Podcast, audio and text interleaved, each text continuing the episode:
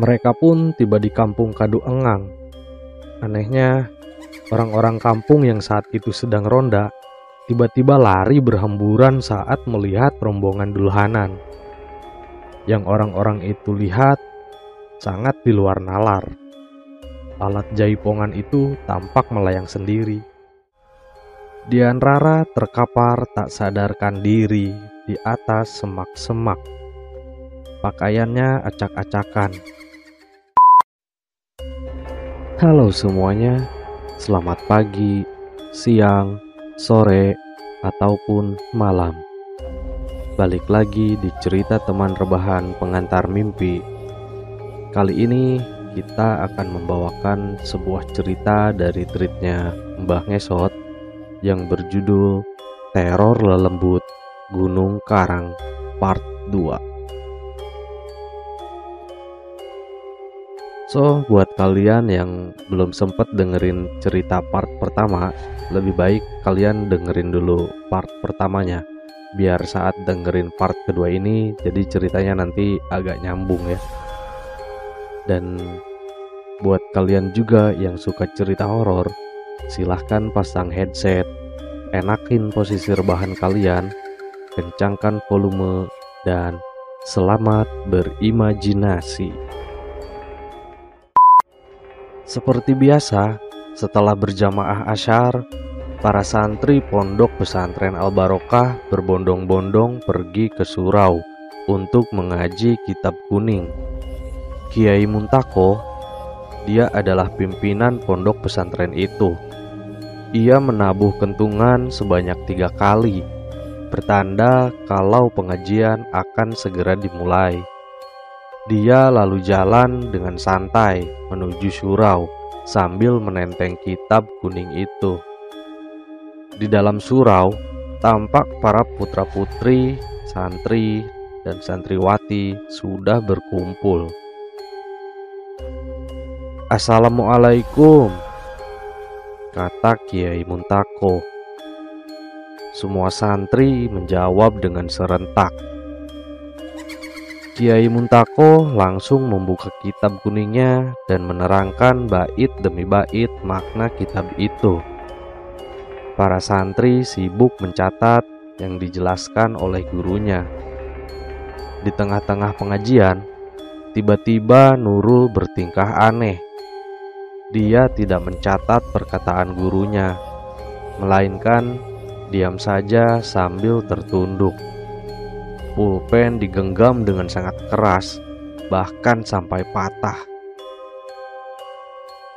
Salah satu temannya bertanya, "Nurul, kamu kenapa?" Nurul yang saat itu berkerudung hitam tidak menjawab apa pun. Dia hanya tertunduk. Kemudian air liur tiba-tiba menetes dari mulutnya.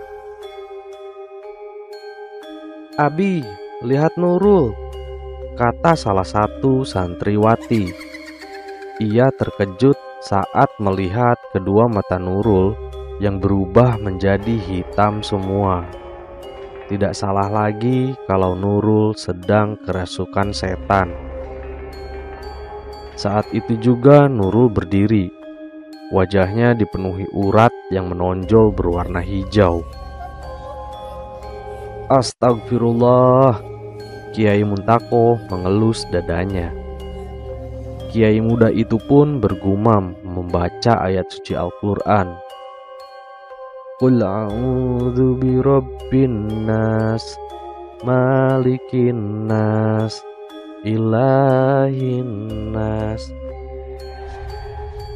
Belum sampai dia menyelesaikan bacaannya, jin jahat yang ada di dalam tubuh Nurul berteriak lalu mendekat ke arah Kiai Muntako.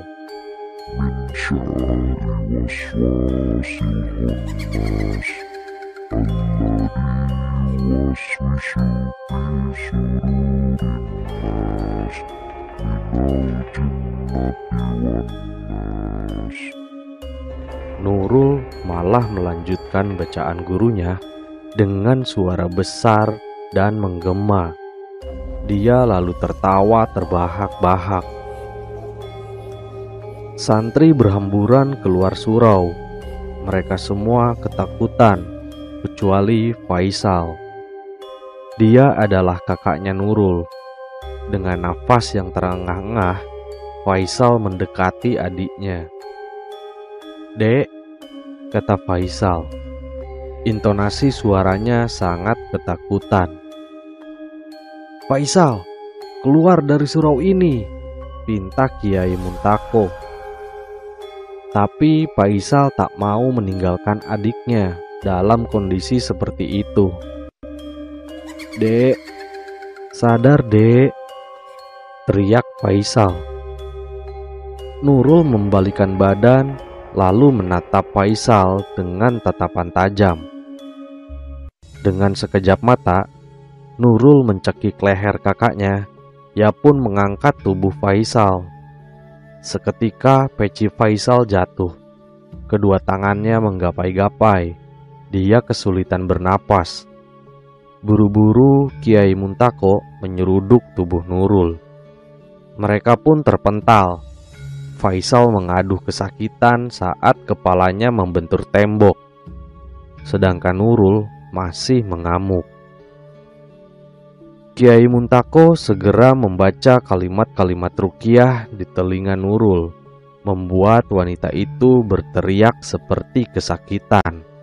Matanya melotot, sesekali dia mencaci Kiai Muntako. Tak lama berselang, tubuh Nurul melunak.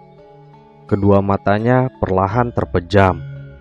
Dia pun tak sadarkan diri Kiai Muntako menyuruh Faisal untuk mengambil air. Buru-buru, Faisal pergi ke dapur dan kembali dengan membawa segelas air putih. Air itu dibacakan doa-doa, lalu diusapkan ke wajah Nurul yang tampak pucat. Nurul pun dibawa ke asramanya. Sudah dua tahun belakangan ini, Nurul sering sekali kesurupan. Ada jin jahat yang menempel di tubuhnya. Dia sudah beberapa kali dirukiah, tapi tak kunjung sembuh. Dalam sebulan, Nurul bisa kesurupan 2-4 kali. Penyakit kesurupan itu disebabkan oleh kakeknya Nurul. Dulu, kakeknya punya ilmu hitam dan memelihara banyak jin jahat. Sekarang, salah satu jin yang pernah dipelihara kakeknya itu malah menempel di tubuh Nurul. Padahal, Nurul ini masih muda. Umurnya baru 18 tahun. Sedangkan kakaknya, si Faisal, berumur 24 tahun. Mereka berdua sudah tiga tahun nyantri di pondok pesantren Al-Barokah. Selama dua tahun belakangan ini, Faisal selalu mencari cara untuk menyembuhkan penyakit adiknya, namun tetap saja tidak berhasil. Adiknya masih saja sering kesurupan. Malam itu, Nurul masih tidak sadarkan diri di dalam asramanya. Dari tadi sore, Nurul dirawat oleh sahabatnya, yaitu si Ririn. Ya, memang hanya dia santriwati yang berani mendekati Nurul. Sedangkan yang lain takut karena Nurul sering kesurupan. Bahkan ada beberapa santriwati yang pindah pesantren gara-gara takut sama si Nurul. Pada tengah malam, ketika semua orang di pesantren itu tertidur, Nurul tiba-tiba bangun. Cara bangunnya tidak wajar dia duduk begitu saja tanpa dibantu kedua tangannya. Nurul seperti dikendalikan makhluk gaib. Tatapannya kosong. Wajahnya pucat sekali. Dia masih mengenakan kerudung warna hitam kesukaannya. Nurul menoleh ke arah Ririn yang sedang tidur pulas. Ririn, panggil Nurul. Ririn pun bangun. Ia mengucek kedua matanya, lalu menoleh ke arah Nurul. "Kamu udah sadar?" tanya Ririn. Nurul hanya mengangguk. Rin, anterin aku yuk, pinta Nurul. Ke mana?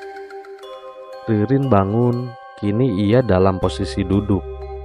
Ke belakang asrama, nyari kalungku. Kalungku hilang, Rin. Pasti jatuh saat wudhu. Itu kalung pemberian ibuku, kata Nurul. Ya sudah, ayo kita cari. Ririn membuka lemarinya. Dia meraih senter dan mengenakan kerudung. Setibanya di belakang asrama, Nurul malah mematung. Dia tidak mencari kalungnya yang hilang. Nurul, sapa Ririn dengan ragu-ragu.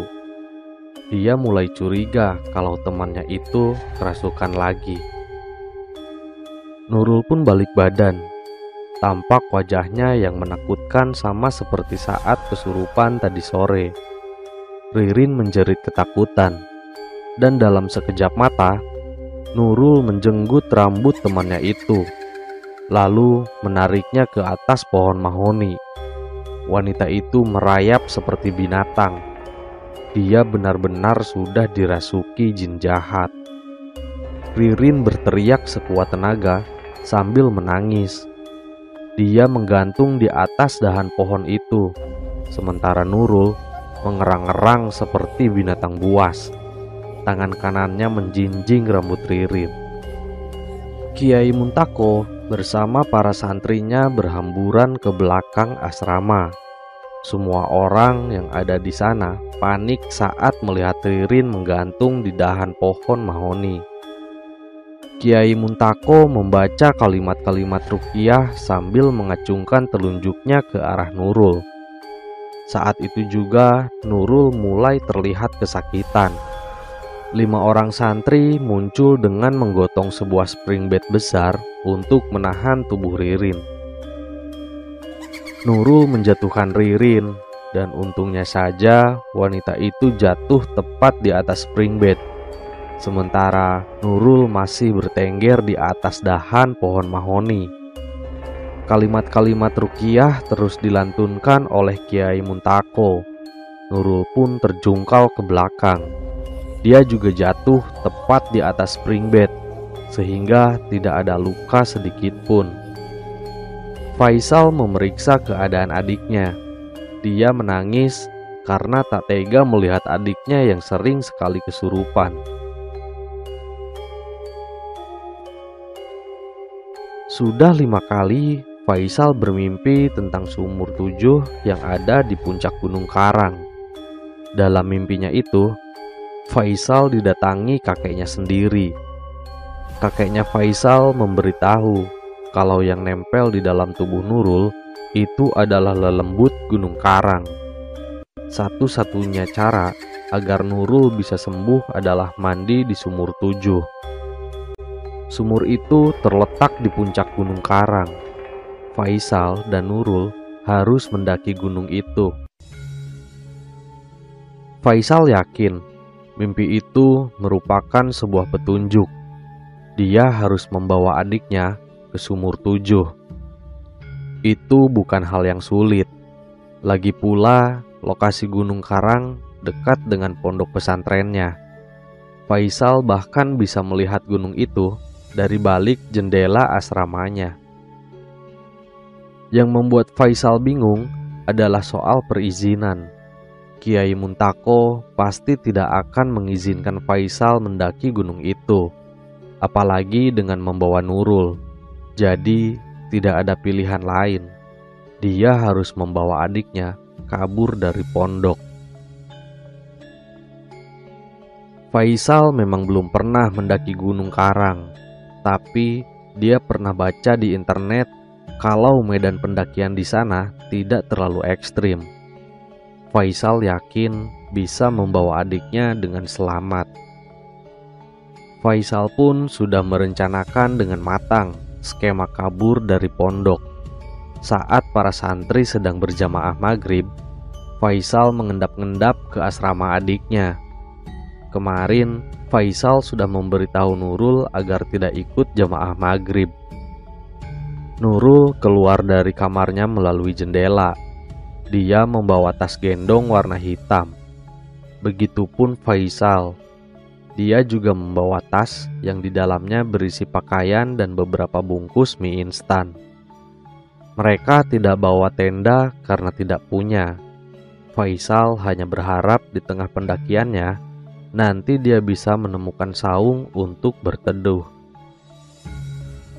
Mereka berdua berhasil kabur dari pesantren. Sebenarnya, Faisal tidak tahu jalur pendakian Gunung Karang. Dia cuma modal nekat. Di pertigaan, Faisal memberhentikan dua pengendara motor yang sedang melintas. Ia meminta diantarkan ke kaki Gunung Karang. Mau masuk jalur mana? Kadu engang, tanya lelaki gendut yang mengendarai motor bebek. Iya, jalur mana saja, yang penting bisa sampai ke puncak, jawab Faisal. Nada bicaranya terburu-buru. Sesekali dia menoleh ke belakang untuk memastikan kalau tidak ada santri yang mengikutinya. Ya sudah, kita antar ke Kadu Engang saja ya, kata lelaki yang satu lagi. Dia berbadan kurus. Bayarannya berapa dulu? Tanya lelaki berbadan gendut. Seratus ribu cukup, tanya Faisal. Ya sudah, ambil saja, lelaki berbadan kurus menyetujuinya. Mereka pun berangkat ke kampung Kadu Engang. Kadu Engang ini memang menjadi jalur favorit bagi para pendaki Gunung Karang. Tak sampai 30 menit, mereka akhirnya tiba di kampung Kadu Engang. Hari sudah gelap. Faisal dan Nurul berdiri di pinggir jalan. Kita sebenarnya mau ke mana bang? Tanya Nurul. Abang mau ngobatin kamu ke puncak Gunung Karang dek. Nanti adek mandi di sumur tujuh biar lembut di tubuh adek hilang. Jawab Faisal. Abang tahu jalan ke puncak? Tanya Nurul lagi. Kita tanya-tanya saja ke orang kampung sini, dek. Ayo, Faisal menuntun lengan adiknya. Sebelum mereka masuk ke perkampungan, dari semak-semak muncul seorang anak lelaki yang umurnya kisaran 15 tahun. Dia menuntun seekor kambing. Anak laki-laki itu tersenyum saat melihat Faisal dan Nurul. Kalian dari mana? Tanya anak itu. Dari pesantren, kami mau mendaki Gunung Karang, jawab Faisal. Malam-malam begini? Tanya anak itu lagi. Iya, kamu tahu jalur pendakian di sebelah mana?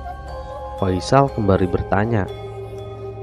Anak itu menunjuk ke arah barat. Di sana, untuk sampai ke puncak, kalian harus melewati tiga pos Faisal menelan ludahnya sendiri.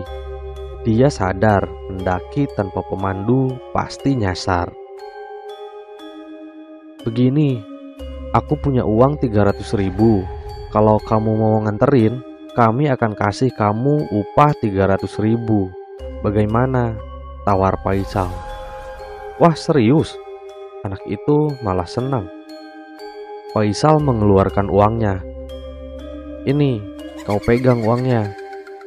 Dia menyerahkan uang itu. Oke, aku mau. Kenalkan dulu, aku Acong. Aku asli orang sini. Aku Faisal, dan ini adikku Nurul.